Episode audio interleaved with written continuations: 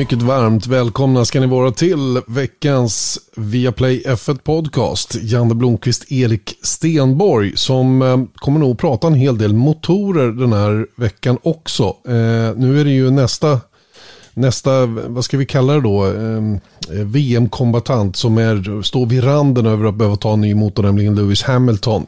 Eh, det har pratats om en ny kalender, den har inte presenterats ännu, men man har eh, gett riktlinjerna för den nya kalendern från F1 sida. Det ska vi naturligtvis komma in på lite grann. Vi kommer att prata Porsche och Audi. Är de på väg in i Formel 1? Hur är det med den saken egentligen och vad är det som ligger bakom det här? Det tittar vi närmare på och sen håller vi ögonen såklart på Hamilton versus Verstappen. Den kampen lär ju fortsätta. Hur är det med McLaren som har varit absolut formstarkast de två senaste racen och sen sneglar vi lite grann mot Istanbul Park, platsen för det kommande racet. Vi eh, kanske också kan leverera, vi, ja, vi tittar ju på vad som, vad som gäller runt Ferraris motor också då. Vi får ju facit den här helgen egentligen, den här nya uppdaterade maskinen.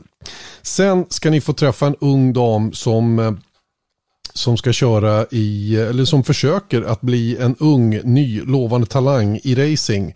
Eh, I något som heter FIA Girls on Track Rising Stars. De är fyra stycken svenska tjejer faktiskt som är med på det här. Eh, med en chans då att hamna i Ferrari Driver Academy om man går hela vägen. Det är Siri Högfeldt, 15 år, Emma Wigroth, 16 år, Milla Sjöstrand, 13 år och så 12-åriga Alexia Danielsson. De här fyra tjejerna alltså har möjlighet då i en uttagning som, som ska köras inom kort här i oktober. Eh, en av dem ska du få träffa idag, nämligen Emma Wigroth.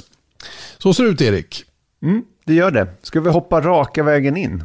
Tycker jag. Finns ingenting att gå som katten kring het gröt, eller vad brukar de säga? Nej, precis. För på samma vis som det var för Verstappen inför Sochi, jag har nu snacket om när Hamilton ska ta ombord sin fjärde motor, eh, börjat liksom komma upp till ytan på, på riktigt allvar.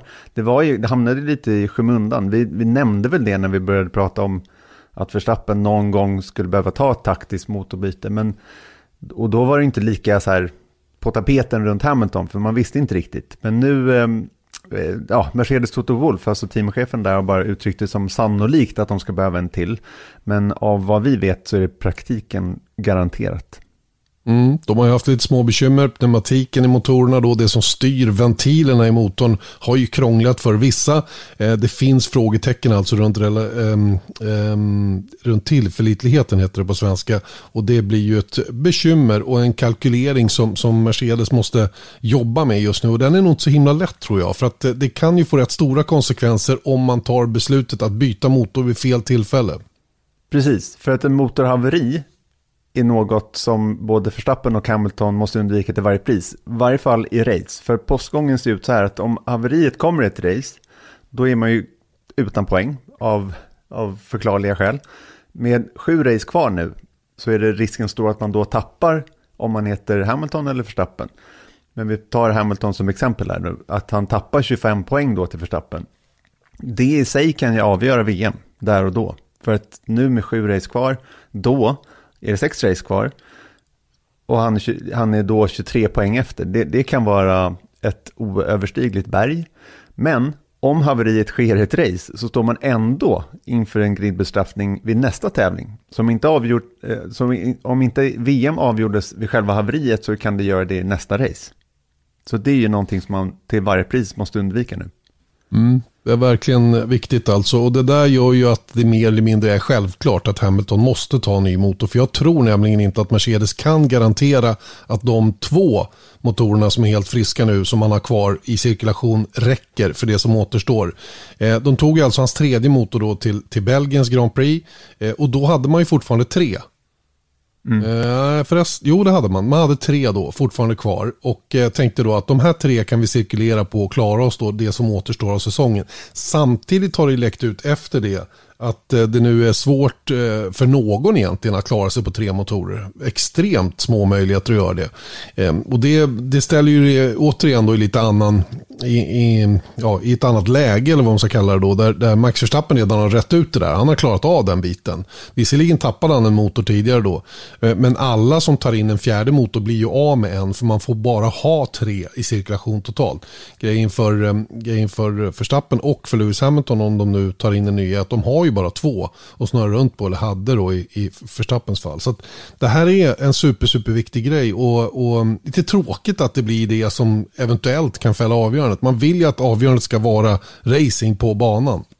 Absolut, men det är där jag tror att Mercedes är inte dummare än att de vet det här också. Så det, det kommer att ske ett taktiskt motorbyte. Det är frågan om det sker här i Turkiet eller om det sker lite senare. Men det grejen är ju på samma sätt som inför Rysslands Grand Prix när vi sa så här att men, kommer det ske i helgen eller någon annan helg? Jo men det är ju den här grejen att ju längre tiden går desto mer orolig kan man ju börja bli för att det här haveriet ska komma. Speciellt då med tanke på det som har skett för Bottas. Vilket har varit lite frågetecken runt, runt eh, varför han har bytt vissa motorer vid vissa tillfällen. Men han bytte ju motor, han tog, han tog en ny i bruk eh, på spa, sen en i Monza, sen en, en Ryssland igen. Och det har ju då hävdats varit problem bakom de grejerna och inte taktiska grejer att blocka förstappen och sånt där.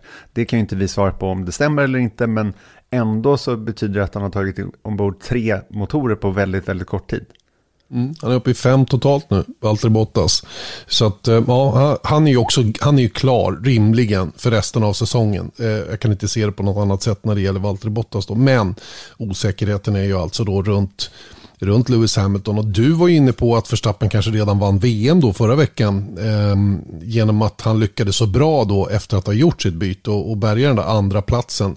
Jag kan för övrigt rekommendera de fem sista varven som F1 la ut på YouTube där man fick åka med Verstappen och allt allt som hände mot, mot slutet där. Det är ju rätt spännande då att få, att få följa med de där avslutande varven. Eh, för var det nu är så att säga. Då. Absolut. Eh, ja, det, det, jag vet inte riktigt. Eh, det, det är så svårt att ha någon uppfattning om hur de ska göra Mercedes eller inte. Eftersom man, man vet ju liksom inte hur läget är. Man kan ju bara, det, du har redan poängterat det som är viktigt. Det får under inga omständigheter gå sönder under pågående race. Det, det, det bara går inte. Då är man riktigt illa ute. Ja, men då är det över. Om det skulle hända för Hamilton, med att Verstappen har ju då klarat av det här, han, han kom tvåa medan Hamilton vann då och förlorade bara fem poäng eller vad det var. Ehm, eller han ligger två poäng bakom nu i varje fall. Vilket är liksom supersuccén, det var vi inne på förra veckan. Det kan ju inte Hamilton räkna med. Och speciellt inte om man får bryta i Turkiet. Och sen då ta en ny motor till nästa race. Liksom. Så det, återigen, det, det vill man inte vara med om. Men det här kan vi bara spekulera i. Men varför är det så nu att, för att man har ju sänkt den här motorallokeringen år för år. De senaste åren så har man haft de här tre. Det har inte varit något problem tidigare. Men man hade väl det 2019 också. När det var 21 race eller vad det var. Då var inte motorn något problem. Men nu verkar det vara ett problem för alla. Det är lite mm. konstigt. Det är ju det och det kanske är de där, den sista pushen man gör med de här motorerna då. Den, den, eh, de token som man använder till i år då för att uppdatera motorerna. De som gjorde det redan till säsongen startade då som i Mercedes fall och de andra som har gjort det då delvis under pågående säsong Honda och Ferrari. Eh, Renault har ju inte riktigt varit i, i blickfånget på samma sätt eh hittills i år då. Eh, men det är möjligt att det då kan vara en avgörande del. Att man verkligen, man sträcker det här nu så långt så att man är och tallar i, i gränsmarkerna för vad motorerna klarar verkligen i, i det avseendet. Och att det då kan vara en, en förklaring till, eh, eller om man helt enkelt från Fias sida har varit för snåla. Man borde ha gett dem fyra motorer redan från början då och, och, och satt punkt vid det. Eh, men, men det är ju svårt, det är återigen, hur fasen ska man kunna ha några, man kan inte ha någon uppfattning. Man kan man vet ju ingenting om hur det ligger till med saker och ting. Därför så blir det, vi kan ju, du och jag kan ju sitta här och säga, ja Mercedes borde nog ta en motor nu här i, där och där. Men mm. de, deras data kanske säger någonting helt annat. Så därför så blir det svårt att, svårt att ha någon riktig uppfattning. Vi får helt enkelt vänta och se vad Mercedes bestämmer sig för. Men, men av allt att döma så verkar det ju på gång i alla fall. Och det spekuleras i vilken, nu är det snarare vilken bana de bör göra det vid. Det är nästan mm. roligare att prata om det än om de ska göra det.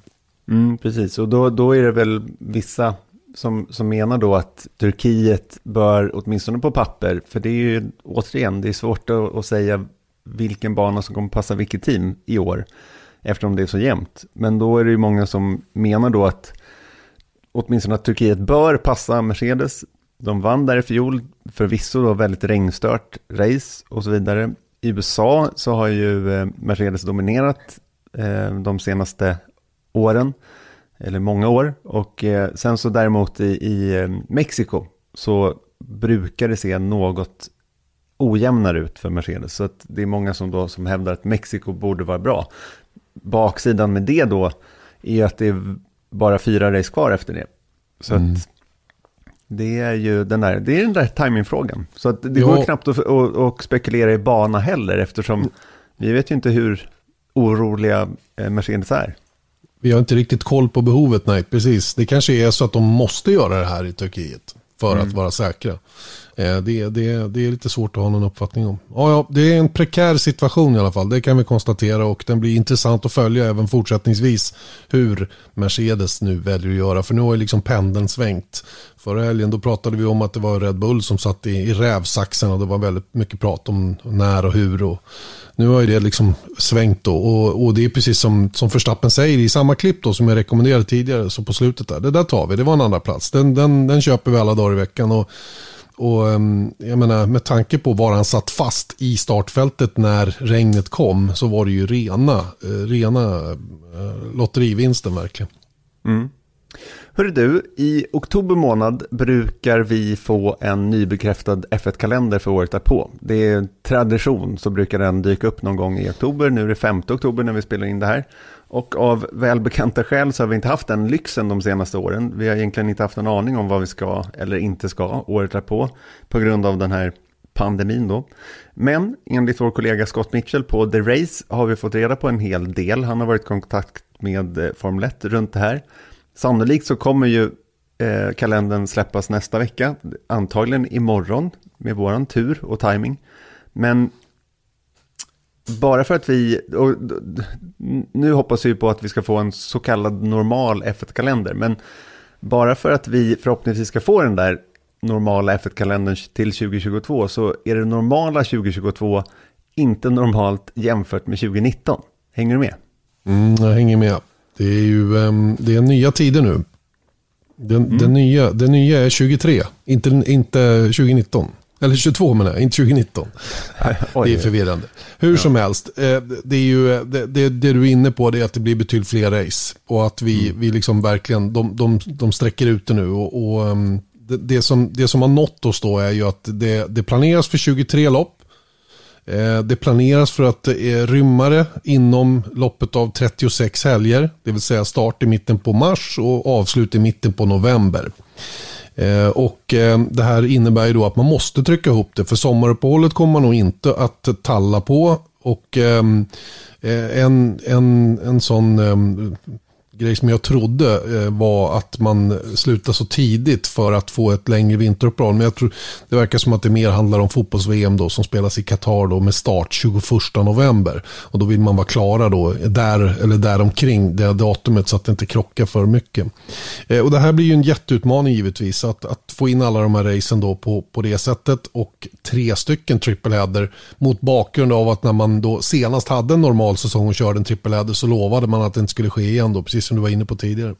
Mm. Ja, 2018 så, så 2018 testade man, ja, så, så testade man eh, den här trippelheaden för första gången och det var ingen som var speciellt nöjd och teamen klagade över det och då sa Formel 1 att nej men vi kommer inte köra triple headers igen och det gjorde man inte heller 2019. Sen så 2020 så blev det det av, eh, av eh, då blev det tre stycken i fjol.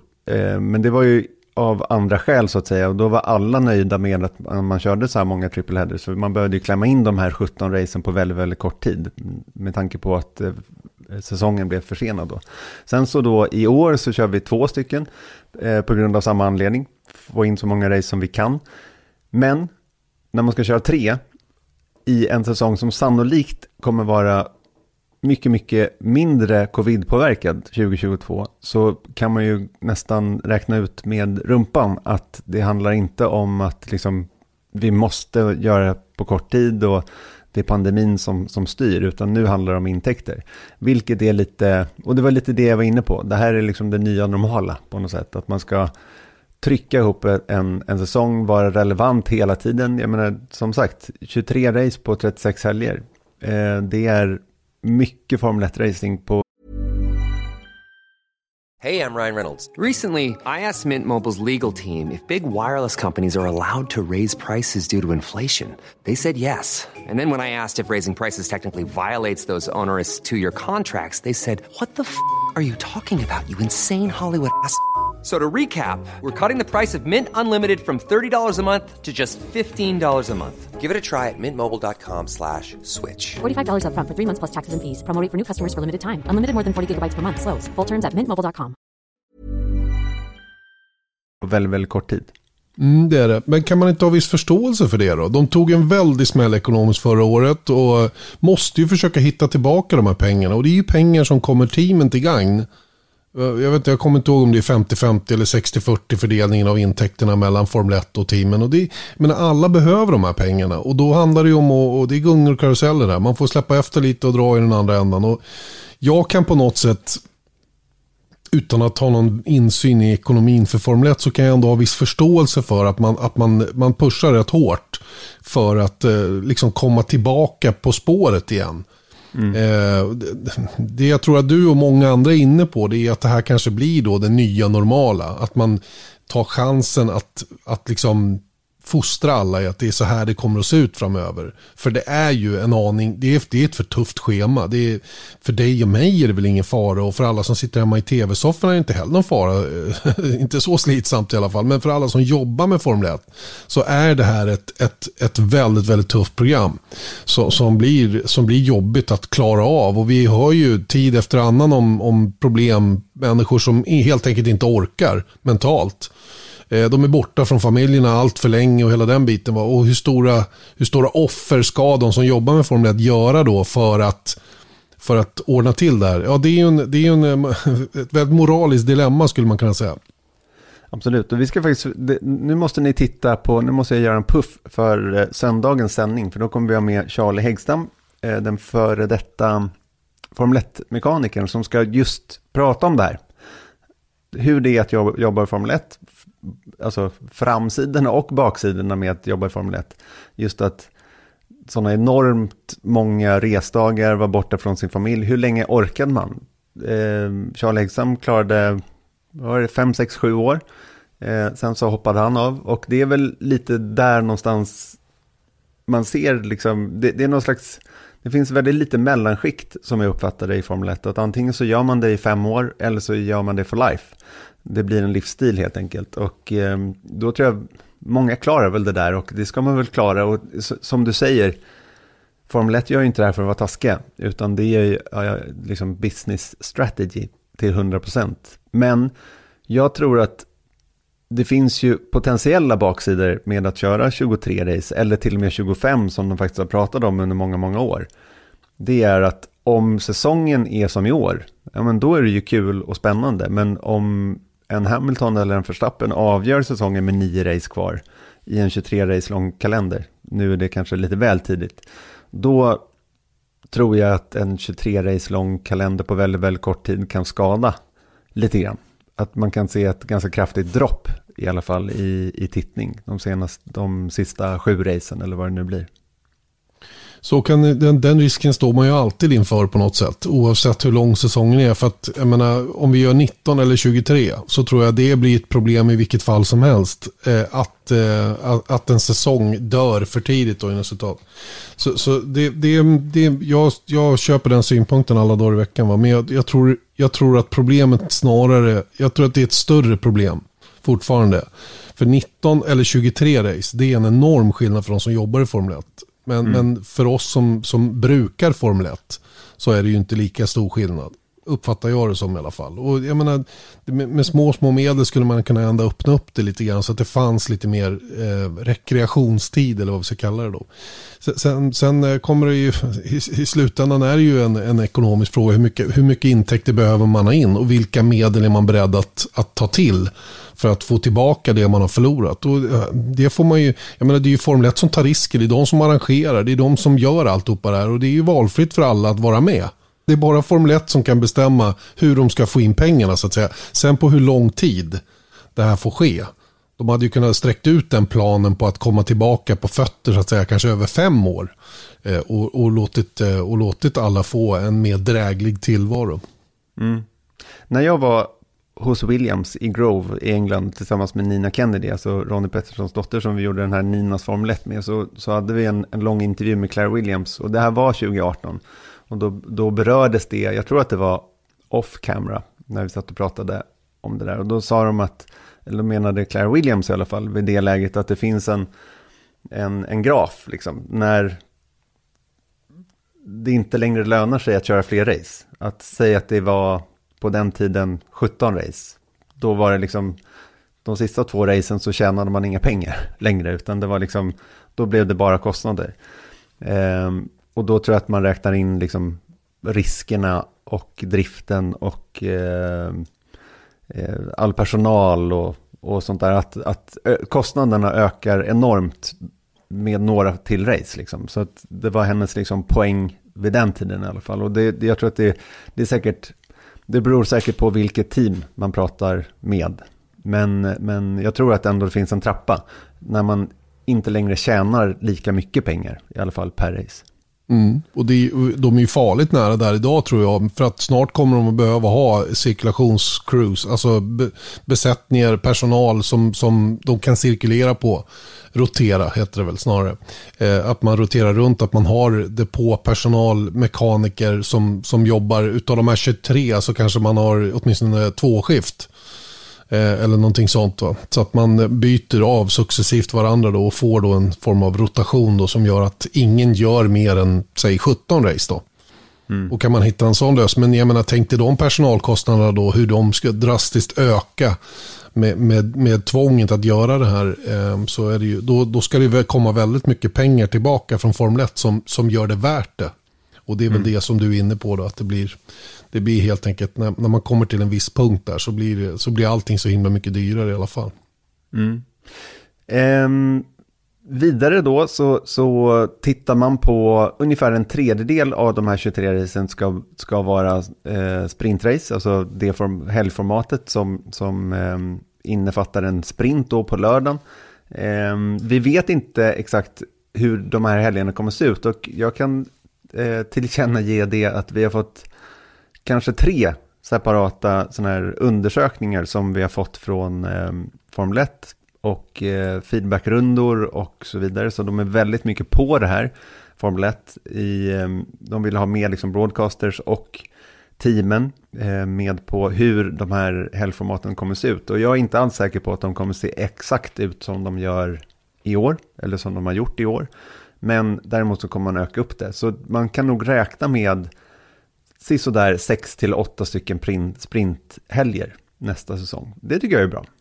Mm. Jag har inte heller några som helst problem med det. Jag märker dock att det finns Eh, i ett ganska stort motstånd då från sådana som har följt sporten länge. Då. Man ser inte att det tillför någonting och man är irriterad över att det, blir, eh, det, det ser inte ut som vanligt och, och, det här förstör sporten och man borde göra så här istället och hela den biten. Jag, jag har valt att ha en liten annan attityd gentemot de här sprintracen och, och de tre som det kommer att bli i år då, eller två som vi har varit med om hittills, har inte gjort mig besviken i alla fall. Och framförallt är det inget hot mot Formel 1 och Grand Prix på söndagen. Eh, och jag är rätt övertygad om, eller jag vet att det är så att de allra flesta som kollar på Formel 1 gör det bara på söndagarna. Om man då får någonting att haka upp dem på ytterligare då under lördagen, ännu tydligare då, eh, trots att vi har haft ett kval och sen så flyttar kvalet till den till den första dagen så att säga. Och då har man tre dagar då som, som potentiellt i alla fall har ett högre intresse än vad det har idag. En fredag idag är ju totalt iskall egentligen om man ser till, om man inte är ett die hard eller hardcore fan så är den astråkig. Eh, det börjar ju egentligen först mitt på dagen på lördagen då inför kvalet. För kvalet är, har ju fortfarande stor dragningskraft. Och den synpunkten, det är väl den möjligen den enda som jag kan, som jag kan hänga med på. Att det, det är lite irriterande att det är ett kval på fredagen. Det hade ju varit bättre att låta dem träna två dagar eller två gånger på fredagen bara. Och sen kört ett kval, skitit i FP3, kört kvalet på förmiddagen och sen eh, sprinten på eftermiddagen och sen Grand Prix på söndag. Det är väl en sån där grej som en liten twist som man skulle kunna göra då för att, för att fortsätta ha relevansen på lördagen så att säga och få att folk eh, tycker det är kul. Då. Men, men eh, i övrigt så känner inte jag att sporten är eh, liksom att det är farligt att förändra någonting genom att eh, ha de här sprinten. Och de ska ju inte heller eh, köras fler än en, en tredjedel av säsongen, vilket är en ganska lagom siffra också, känns det som. Mm. Nej, jag, jag, jag, tycker personligen så tycker jag att ett kval på fredagen är rätt kul. Det är liksom, det är återigen det där, och det är ju Formel 1 dänga, att vi vill bygga in ett tävlingsmoment varje dag. Och det mm. har man ju då med ett kval på fredagen, ett sprintrace på, på lördagen och sen så ett Grand Prix på, på söndagen. Men oavsett, jag, jag, jag känner återigen personligen att, att jag tycker inte att en F1 är helig på, på ens att man måste liksom bestämma nu ett år i förväg att man ska köra x antal sprinthelger eller att ens en vanlig Grand Prix-helg behöver ha tre träningar innan kval och sen så ett race. Utan liksom någon gång kan man väl köra ett två timmars pass på lördagen. Alltså man kan köra en två dagars helg, lite, lite mer som Indycar. Mm. Då skakar man om det jättemycket.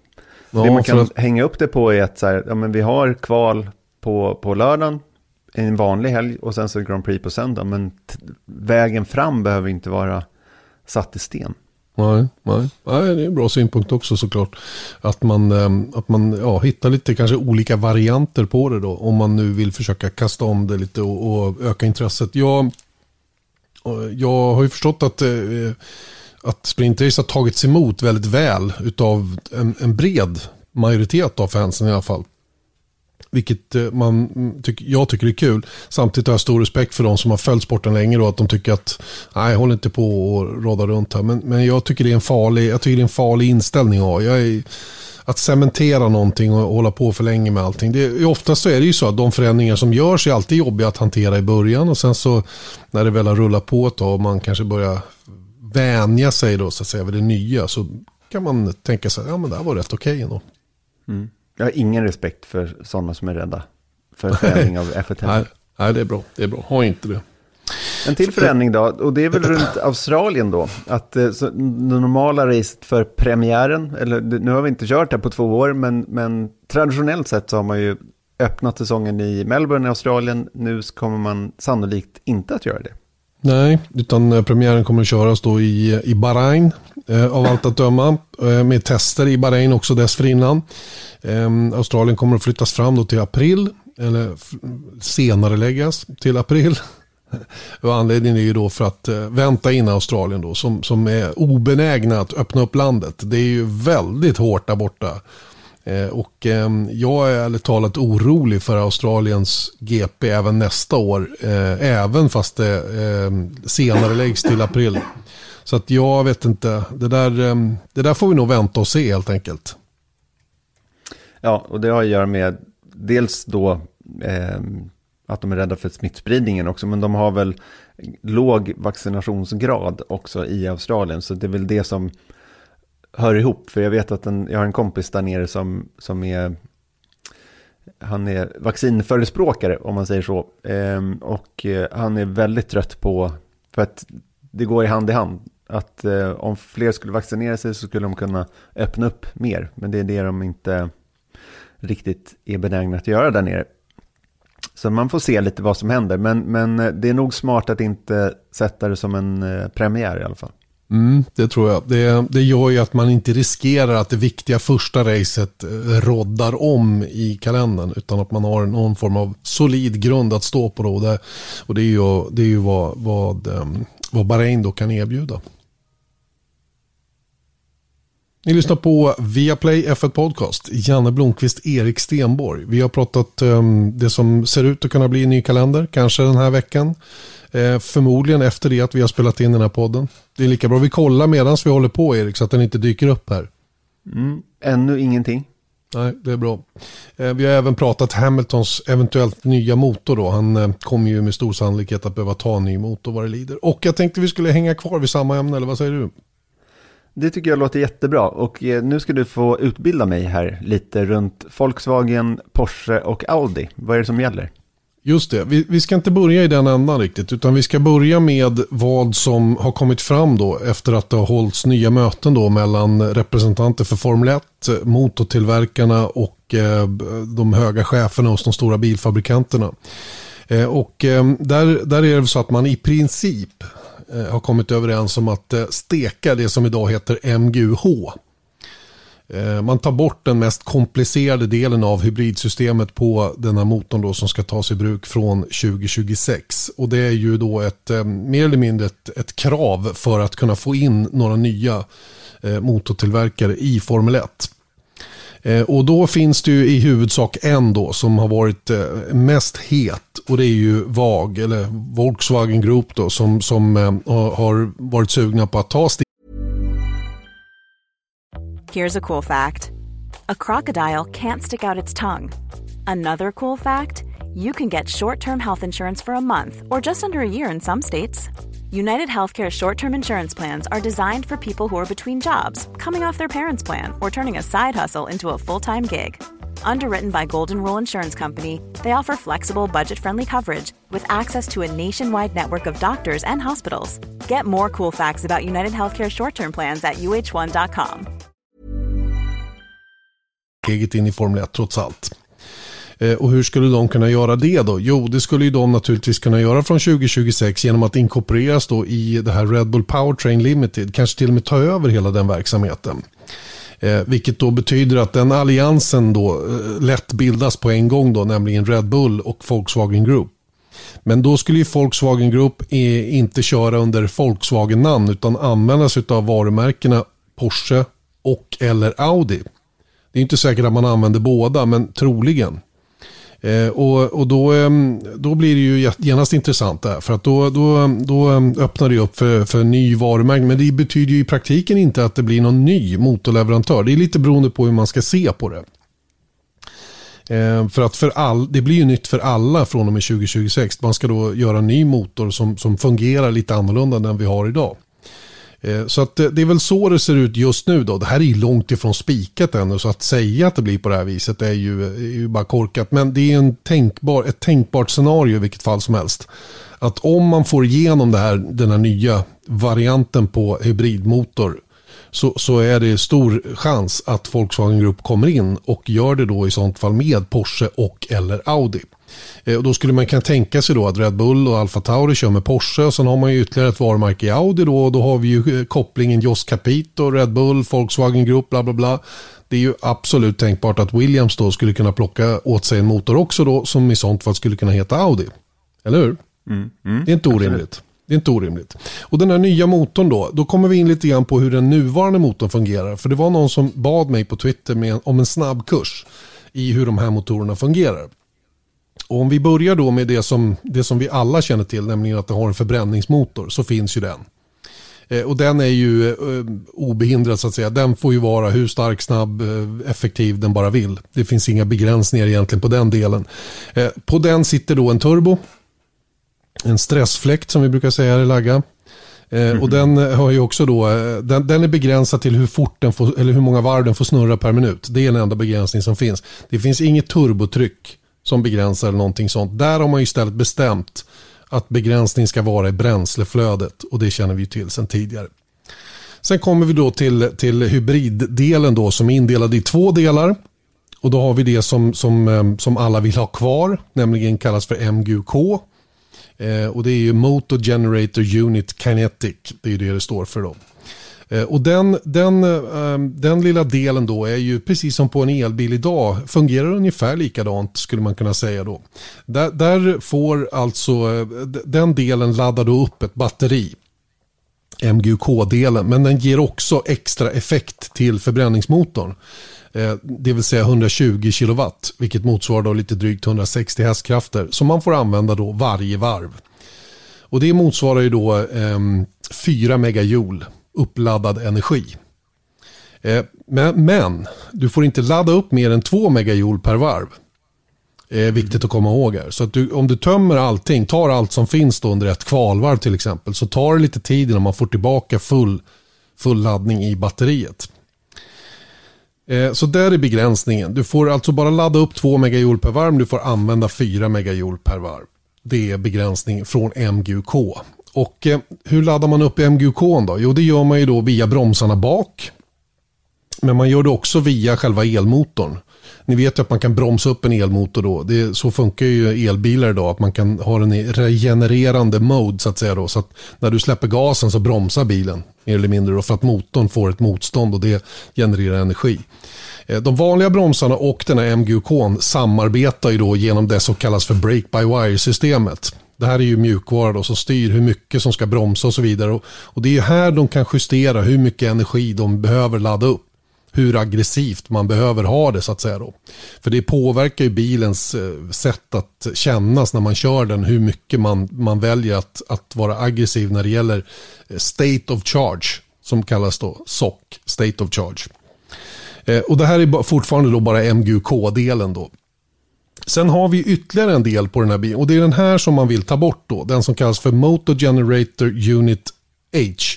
Eh, heat står det för då. Då man använder avgaserna eller de varma gaserna från turbon.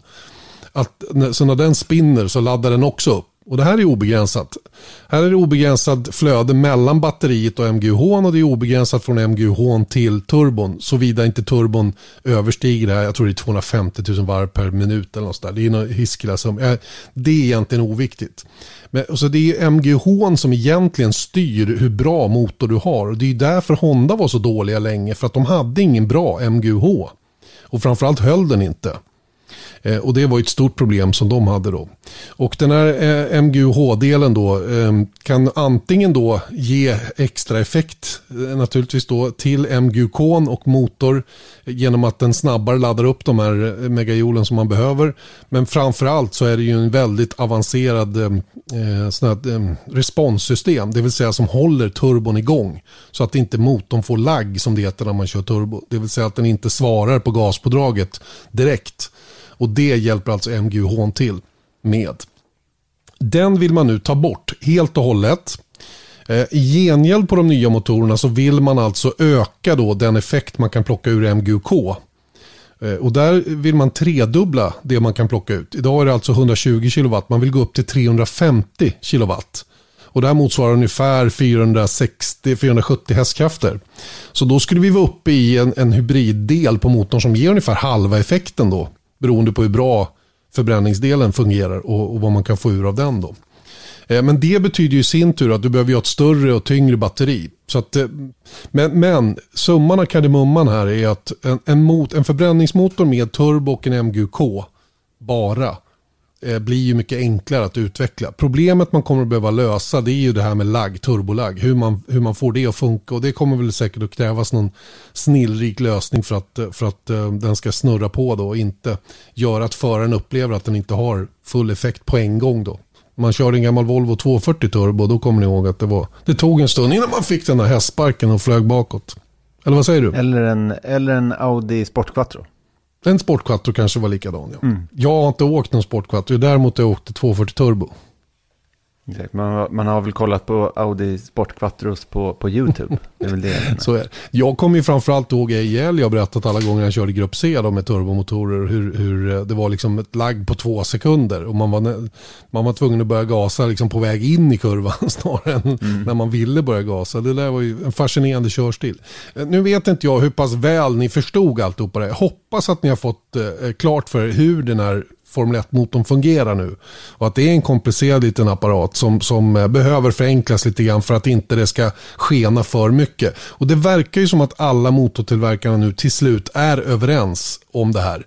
Det är massa detaljer dock som kvarstår. Eh, Eh, hur mycket dynotid ska nya motortillverkare få? Ska man betrakta Red Bull som en ny motortillverkare redan till nästa säsong? Och hur kommer det att bli till 2026 om de får två märken in?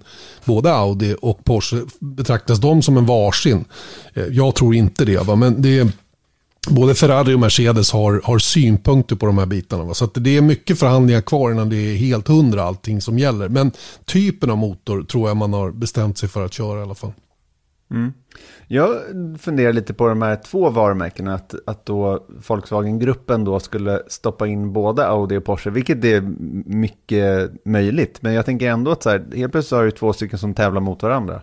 Även om man sätter eh, Audi i, liksom, så att säga, junior-teamet Williams, eller vad man ska kalla det, så, så um, finns ju ändå en risk då att Porsche slår, ah, det är väl inte samma segment och sånt där också, men det är, det är bara en, en intressant eh, marknadsförings syn hur Mm. man skulle lösa en sån grej att man sätter två var varumärken som tävlar mot varandra. Nu råkar jag veta att de har en ganska hård konkurrenssituation i koncernen. Audi och Porsche. De har ju inte alls, de jobbar ju som du säger då, mot olika segment i huvudsak i alla fall. Men de har väl, det är väldigt tuff konkurrens mellan dem internt i Volkswagen Group. Så att, eh, ja, det kanske är någonting de vill till och med. Ja, Och att, man, och, och att man kan aktivera, eh, aktivera då partners på lite olika sätt då, genom att antingen göra ihop med Porsche eller med Audi. Men det är ju inte, det är inte, jag säger ju inte att det blir både Audi och Porsche, men det är en, absolut en möjlighet att båda varumärkena finns med. Eh, vilket man kan se som någonting hälsosamt för sporten.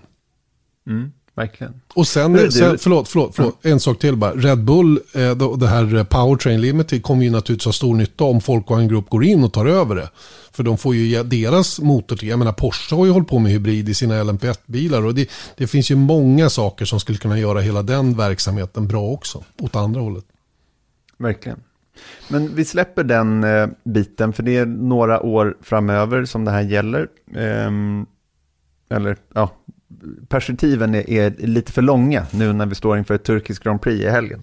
Eh, jag kan tänka, börja där lite med några stats. Det är inte så himla eh, stora och eh, coola och eh, intressanta stats kanske, men det är det nionde racet i Turkiet. Alla har då körts på Istanbul Park. När började man köra i Turkiet? 2004 vill jag minnas.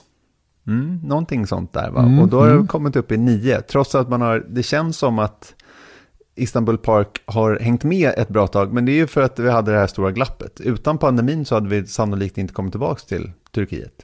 Nej, så är det ju. Och ehm, jag tycker det är lite fränt att vi är där igen. För att eh, det är ju en, det är en häftig bana. Det där var vi inne på redan förra året. Och att Istanbul Park är liksom en, en state of the art-bana på många sätt. då. Och ehm, jag tycker att det är, jag, jag gillar det helt enkelt. 2005 körde man första, kan jag säga. 2005. Mm. Felipe Massa är i alla fall bäst i Turkiet. Han har tre segrar hittills och Hamilton kan i år då tangera honom eh, med tre segrar om han vinner på söndag. Eh, nya rekord för Mercedes, eller rekord, men det är milstolpar för Mercedes i alla fall. Om någon bil med Mercedes-motor, stor sannolikhet att eh, det här sker då. Eh, om någon, nå- någon bil med Mercedes-motor tar poäng så blir det 250 poänggivande race i rad. Och senaste gången det inte skedde att en Mercedes-motor eller Mercedes-skodd bil tog poäng, det var Japans Grand Prix 2008. Wow, det är länge sedan. 2008, det måste ha varit på Fuji Mm, det måste var det det. ha varit. Mm. Och till sist, som sagt, det, det är lite skralt med stats just idag, men en, bara för ett stat, eh, för speciellt sannolikt är det inte, men om Vettel leder ett varv på söndag, så har han varit i ledning under 3500 varv under hans F1-karriär. Så Ja, det är så. Han kan nog leda, tror du inte det? Ja, det ska regna lite, Ja, det, det, det är väl det som krävs. Eh, ja, men jag ser fram emot Turkiets Grand Prix. Det ska bli spännande. Nu är mina hundar igång också så att ni vet eh, vad det är som händer. De har säkert sett någon som går förbi här. Det får man inte göra hur som helst. Eh, hur som helst, eh, vi har ju några saker som vi håller ögonen på också. Eh, innan vi eh, kommer in på poddens sista punkt. Eh, jag är sjukt nyfiken på fortsättningen på Hamilton och Verstappen-kampen. Den, eh, den blir ju sevärd en helg till, eller den kommer att vara sevärd varenda helg, det som återstår av den här säsongen, oavsett tror jag.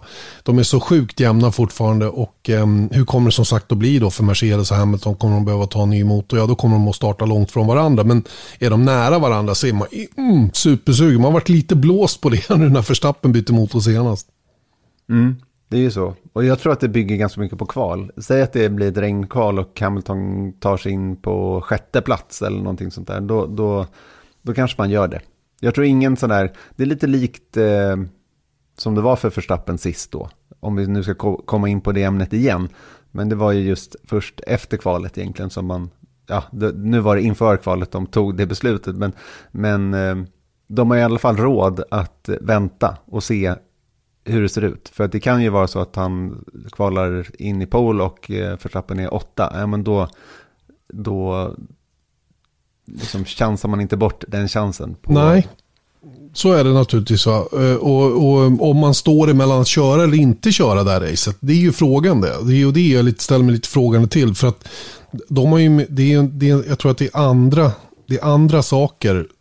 För dem handlar det mer om mileage och, och liksom, vad säger datan egentligen om hur, hur motorn mår. Tål den, tål den 30 Tål den 30, 30 eh, mil racing liksom full on?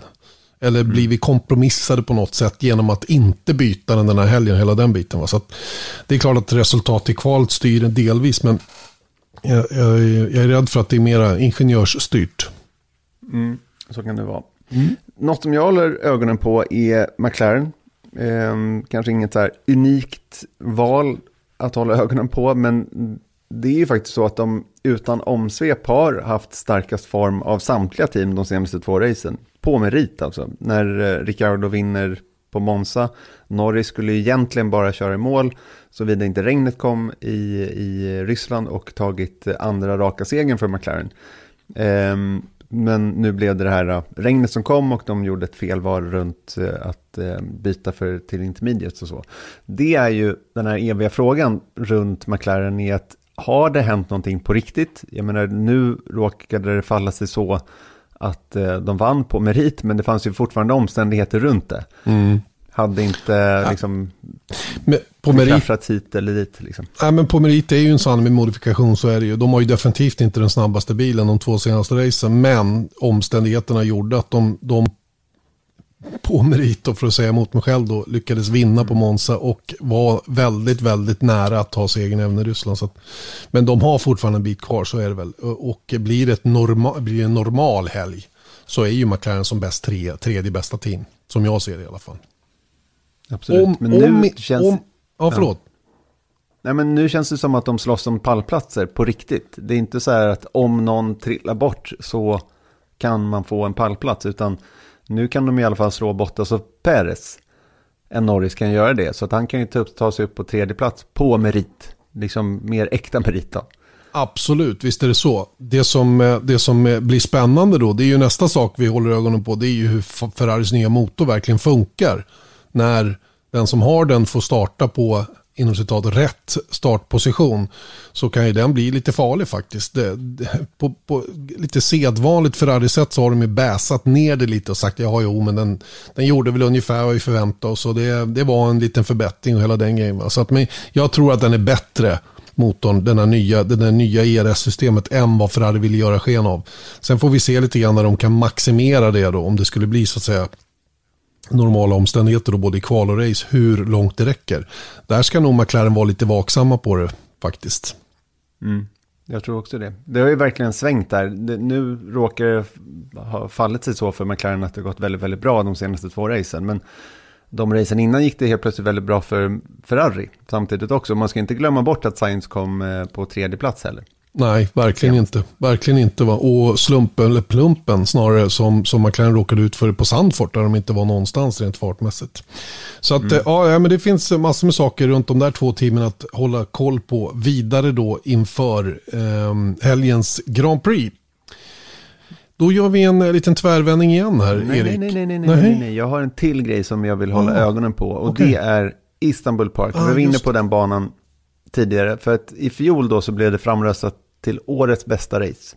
Hamilton vann då framför Perez och eh, Sebastian Vettel då i Ferrari och Lance Stroll startade från pole. Det var ju av anledningen att det var väldigt regnstört och extremt lågt grepp i asfalten. Då hade man inte kört Formel 1 där på många, många år och det var liksom, det var ju olja i asfalten i stort sett. Eh, det man har försökt göra nu är att man har tvättat, man har liksom kört med bilar och högtryckstvättat hela, eh, hela asfalten. Dels då för att få bort den här oljan, men också för att liksom göra ja, asfalten grövre helt enkelt. För, och förhoppningsvis skapa mer grepp. Och sen så är det ju ingen fantastisk eh, prognos inför helgen sett till, till, till regn. Det, det, är väl inte garanterat att det kommer regna, men det är inte helt osannolikt heller i det här läget. Eh, så vi får se vad, vad som kommer ske. Men det är, en, det är en cool bana och jag hoppas och tror att det kommer bli ett grymt race. Mm, det tror faktiskt jag också att det kommer att bli. Banan är ju fantastisk. Det går inte att komma ifrån. Layouten är ju magisk och den kommer att bjussa på många utmaningar den här helgen då. Om vi eh, utgår ifrån att den här tvättningen av asfalten då har, har eh, fallit väl ut och att de har ökat greppnivån på det sättet och fått bort den här oljiga ytan. Den var ju väldigt tajt på racet förra året, nyasfalterad och det det slog inte speciellt väl ut. Då. I, i, dessutom i kombination då med massivt regn under söndagen. Där. Så att, eh, nej, men det blir kul. Det blir eh, oerhört spännande att se hur detta kommer att funka. Eh, får jag tvärvända nu då? Varsågod. Tack så mycket. För nu ska vi nämligen flytta fokus från Formel 1, men kanske med mål med målet att nå Formel 1. Eh, ni kanske känner till något som kallas för FIA Girls on Track, Rising Stars. Ehm, det är ju någonting som ehm, internationella motorsportförbundet och Ferrari Driver Academy drog igång till förra året. Och det var en belgiska som gick hela vägen då och eh, fått tävla i, i Formel 4 under säsongen. Eh, förra året så blandade man juniorer och seniorer. Det låter lite konstigt att kalla tjejer som är 15-16 år för seniorer, men det var två olika ålderskategorier i vilket fall. Och de allra yngsta följer bort väldigt tidigt. Då. Nu har man delat upp det lite grann så att de allra yngsta kallas för juniorklass Eh, och de lite äldre tjejerna då, de kör en seniorklass. Seniorerna kör om en chans att hamna i Ferrari Driver Academy och få köra Formel 4 medan de lite yngre då siktar på ett kontrakt i ett bra kartingteam. Eh, fyra svenska tjejer har blivit nominerade. De var rätt många faktiskt från början som ni ska få höra alldeles strax. Eh, och, och, som sen när det kokade ner så blev alla fyra kvar. Det är Siri Högfeldt, 15 år, Emma Wigroth, 16 år, Milla Sjöstrand, 13 år och Alexia Danielsson, 12 år. Alla de här fyra alltså. Två, de två senare då, Milla och Alexia, de kör i juniorkategorin då. Siri och Emma kör i seniorkategorin. Jag fick tag i Emma Wigroth och eh, var ju naturligtvis supernyfiken på det här. Emma Wigroth, du är en av fyra tjejer som har fått eh, möjlighet att åka på det som kallas för Girls on Track Rising Stars. Eh, låter ju lite förnämligt på alla sätt och vis. Ska, ska du förklara lite grann vad det där är för någonting? Eh, ja, det är ju då ett eh, projekt som eh, Fia och Fia Women in Motorsport tillsammans med Ferrari Driver Academy håller på med för att ja, hjälpa oss tjejer till en högre nivå inom motorsporten. Tycker du att ni tjejer behöver lite extra hjälp eller ska ni eller upplever du att det är tuffare som tjej att ta sig framåt? Absolut. Att vara tjej är både en fördel och en nackdel men det är ju ingen eh, nyhet att det är mycket färre kvinnor än män i denna sporten. Så jag tycker absolut att det är en jättebra sak de gör. Eh, innan vi går in på vad ni gör vid den här uttagningen, kan väl du berätta lite grann vad du gör, eller vad du tävlar i idag då, som gör att du är kvalificerad för att vara med på det här? Ja, eh, jag har kört kart i åtta år och eh, tagit mig upp genom de olika kategorierna. Och eh, i år så tog jag steget över till Formbil eh, där jag i år kör Formula Nordic här i Sverige. Eh, och eh, det är på så sätt eh, jag har blivit med. Och ehm, då, då är det då Svenska Bilsportförbundet som nominerar er tjejer då som, som är med och ni är två stycken som är med i den så kallade seniorklassen då för förare då som söker stöd i formelbilsracing och sen är det två förare då som, som söker stöd för att komma in med kartingstöd då, för att de inte, har inte åldern in riktigt ännu. Då. Eh, du är i den äldre kategorin, för du är 16 år, stämmer det? Exakt. Man får inte tala om damers ålder, men det gör vi i, här, i det här fallet. Eh, Okej, okay. eh, det är ju kul det här. Jätte, jätteroligt verkligen då att ni får den här chansen. Och hur går den här uttagningen till nu då? Nu, ni ska ner alldeles snart va? Ja, vi åker om bara två veckor. Och eh, uttagningen går till på så sätt att steg ett har ju redan varit och eh, det är ju att du blir uttagen. Eh, de hade ju 71 nomineringar runt om i hela världen och sen så blev det 28 tjejer som blev uttagna, varav 14 är seniorer och 14 är juniorer. Och nu kommer vi åka ner till Paul Ricard, både seniorer och juniorer. Den 20 oktober åker alla ner och möts där eh, för att då ha shootouten. Ja, och eh, under shootouten då så eh, kommer vi köra go-kart. Vi seniorer kommer att köra OK och juniorer OKJ. Och där så kollar de ju på hur du kör, och hur du utvecklas under tiden. Men de sätter ju också vår mentala förmåga och vår fysiska styrka på test. Eh, jag hörde ju talas om att ni dessutom då åker på lite sådana här jobbiga moment som att eh, göra presentation av sig själv på engelska och, och sådana bitar. Och, eh, vilket, vilket anser du är det tuffaste så att säga då i, i det här? Är det själva körningen, att visa verkligen att du är snabb nog eller är det de andra bitarna som du, som du har lite mest fjär, fjärilar i magen över? Eh, nej, eh, jag tror nog det är mest körningen som jag har lite mest eh, fjärilar i magen över. Eh, för det är verkligen väldigt talangfulla tjejer som kommer vara med. Eh, så det kommer vara väldigt tufft. Eh, vad tror du kommer att krävas då för att gå vidare? Hur anser du, vad tror du dina chanser är att klara det? Det är svårt att säga. Jag vet många tjejer som är, har blivit uttagna som är extremt duktiga, som det kommer bli hårt, alltså väldigt tufft att slå. Men eh, det finns ju en chans och eh, jag kommer åka ner och göra mitt absolut bästa. Och, ja, för att just komma vidare så kommer de ju kolla på en helhet och de kommer ju kolla hur du har utvecklats under dessa dagarna på shootouten och hur du har presterat både ute på banan och när det kommer till träningen och eh, det mentala. Eh, hur många av de tjejerna som är med nu då på det här, du känner väl till flera av dem? Jag gissar att du kanske till och med har tävlat mot dem i karting då, kan det vara så? Ja, eh, jag har tävlat eh, mot eh, bara en tror jag, men jag känner till cirka fem stycken och de är väldigt, väldigt duktiga. Okej, okay, om man sen då går vidare från den här första delen då i det här lägret så att säga då, och kommer till steg tre. Och då, kommer till, då är det något som kallas för Formula Training Camp om man nu är en av de här åtta då som väljs ut. Eh, och då börjar det bli mer och mer mot själva formelbilsracing. Då. För slut, slutmålet är ju någonstans att vinna då en chans, få ett kontrakt med Ferrari Driver Academy och eh, få möjlighet att köra då i, i Formel 4, ett, något Formel 4-mästerskap om jag har förstått det hela rätt eh, under 2022. Då. Eh, och det, det måste ju vara en fantastisk möjlighet då. Men, men eh, nästa steg då, då börjar ni få åka riktig bil då. Ja, exakt. Och så kommer det att vara åtta tjejer som går vidare. Och eh, de kommer få köra Formel 4 på Paul Ricard tillsammans med Wingfield eh, Racing School.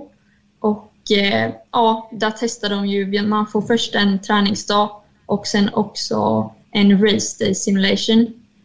Där de kollar liksom, det blir lite som ett race och även kollar hur man som förare reagerar under den pressen. Och sen så blir det även simulator och annan träning och mycket medialt. Och sen handlar det då om att vara bland de fyra då i slutändan som går vidare till steg fyra och då är det ännu mera träning naturligtvis och genomgångar av saker och ting och det smalnar av ännu mer då att man verkligen visar hur snabb man är på banan då, ihop med alla andra bitar och sen vinnaren då som jag beskrev tidigare då får det här kontraktet med Ferrari Driver Academy då och får åka tillsammans med Dino Beganovic som du känner Exakt. säkert. Dino ja. som, som tillhör det här programmet redan då, Mick Schumacher med flera stora namn eh, och det måste ju förstås vara en dröm. Eh, jag menar, du åker väl inte dit och tror att du inte ska ha chansen att gå vidare antar jag? Nej, man eh, försöker sätta upp rimliga mål men eh, vi alla vill vinna så eh, det var att åka dit och göra sitt absolut bästa och pusha in i det sista. Och kort bara om Sverigesäsongen då, Formula Nordic. Hur har det varit ditt första år i formelbil? Det har varit ett väldigt tufft år. Det visste vi redan från start att det skulle bli, men detta skulle också vara vårt lärningsår. Eh, så jag tar nya tag till nästa år eh, och då är vi med för att utmana mer. Just det, om du inte kör Formel 4 då i något internationellt mästerskap. Tack snälla Emma Wigroth, lycka till nu då. När åker ni ner? Vilken dag? Eh, vi åker ner den 19 oktober och sen åker man hem förhoppningsvis den 27, men det kan också bli den 24. Just det. Vi hoppas ju självklart på den 27 då och håller oss uppdaterade om hur det går givetvis också. Det missar ni inte här i, i Viaplay för podcast. Superroligt Emma, roligt att få prata med dig. Lycka till med allting som händer och hälsa de andra tre tjejerna också. Det ska jag. Stort tack!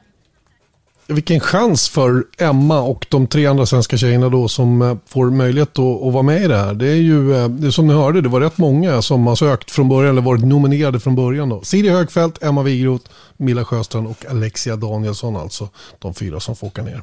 Vad säger du? Mm. Sugen? Ja, jag, eh, ja, absolut. Jag skulle gärna åka ner och köra lite kart och undersöka. För jag skulle inte haft någon press på mig. För jag hade aldrig trott att jag skulle ta mig vidare. Men eh, jag håller verkligen tummarna alltså, för alla fyra. Mm. Superroligt och tjejer behövs självklart. Och eh, som sagt förr eller senare kommer någon riktigt, riktigt duktig tjej som kommer att ta steget upp i Formel 1. Jag tror inte att det är speciellt långt borta ärligt talat. Eh, ja, det var väl eh, veckans podd, eller vad säger du? Har vi något eh, kul att se fram emot i helgen sändningsmässigt? Vi brukar ju puffa lite grann för våra F1-sändningar. Ja, jag har ju delvis redan gjort det runt Charlie Häggstam där på Eh, på söndag som jag tror kommer bli intressant. För jag vet att det är många som så drömmer om att eh, ta det där steget. Att i, i någon kapacitet jobba i Formel 1. Och eh, jag hoppas att vi ska kunna ge en liten tydligare bild av hur det är. Helt enkelt. Mm. Det ser vi fram emot givetvis. Alla tider hittar ni via våra sociala medier eller på lämpliga tv-tablåer för hur vi sänder runt Turkiets Grand Prix.